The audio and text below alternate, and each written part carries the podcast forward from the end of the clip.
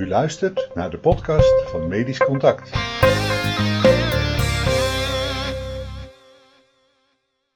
Een blog van Menno Oosterhof. Vuile leugenaar. Onbegrijpelijk dat jullie zo.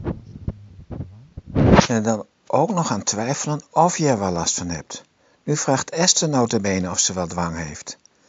Een mailtje van een vriendin en collega. Esther is een patiënt van mij die op haar afdeling is opgenomen.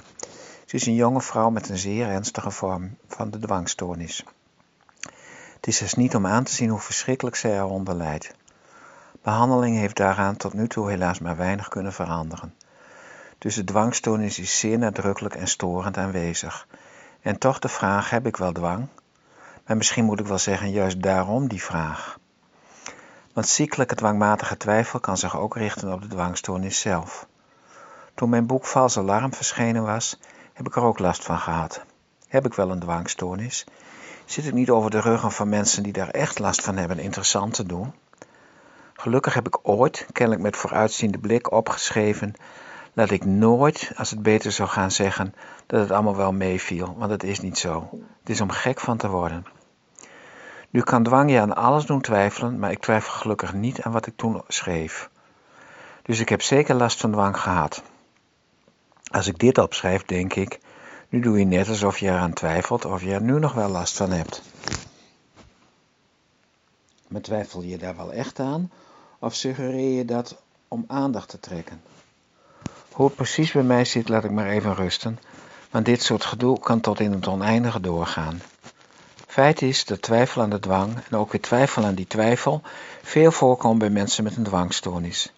Het kan zelfs zo ver gaan dat iemand voortdurend gekweld wordt door het gevoel iedereen op te lichten. Je kunt het zien als een obsessieve vorm van het impostersyndroom. Imposter betekent oplichter. Het beschrijft het verschijnsel dat iemand ten onrechte het gevoel heeft dat hij zich mooier voordoet dan hij is, of dan dat het meer lijkt dan het is.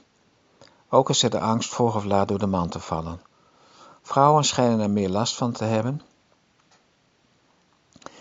wat me niet verbaast, want testosteron vergroot het zelfvertrouwen. Maar het komt sowieso veel voor. Gelukkig niet altijd zo erg als bij een andere patiënt met forse dwang die me hebt. Ik ben een vuile leugenaar. Ik doe alleen maar alsof ik lijd aan dwang om zielig gevonden te worden en aandacht te krijgen. Ik ken haar als een uiterst oprecht iemand waar geen kwaad in zit. Ze vraagt juist eerder te weinig aandacht en haar dwangstoornis is meer dan echt. Maar de dwang kan haar zo aan de greep hebben dat ik haar nauwelijks kan bereiken. Dwang kan een vredeziekte zijn.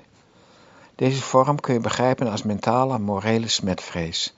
Mensen met gewone smetvrees voelen zich vreselijk vies terwijl er geen noemenswaardig smetje is. Mensen met morele smetvrees voelen zich mentaal vies, schuldig en bedriegers terwijl er geen sprake is van een noemenswaardige smet op hun blazoen. En zoals mensen met imposter syndroom het gevoel hebben dat ze waardering, de waardering niet verdienden, hebben mensen met imposter syndroom het gevoel dat ze absoluut geen begrip of aandacht verdienen. Ook op andere manieren kunnen mensen twijfelen aan hun dwang. Zijn er nare voorstellingen waar ik last van heb, niet toch wensen of verlangens? Ik doe wel alsof het indringende dwangvoorstellingen zijn, maar misschien wil ik het wel echt. Ja, dwang is vaak een venijnige rotziekte. U luisterde naar de podcast van Medisch Contact. Wilt u op de hoogte blijven? Abonneer u gratis. Ga naar medischcontact.nl/podcast.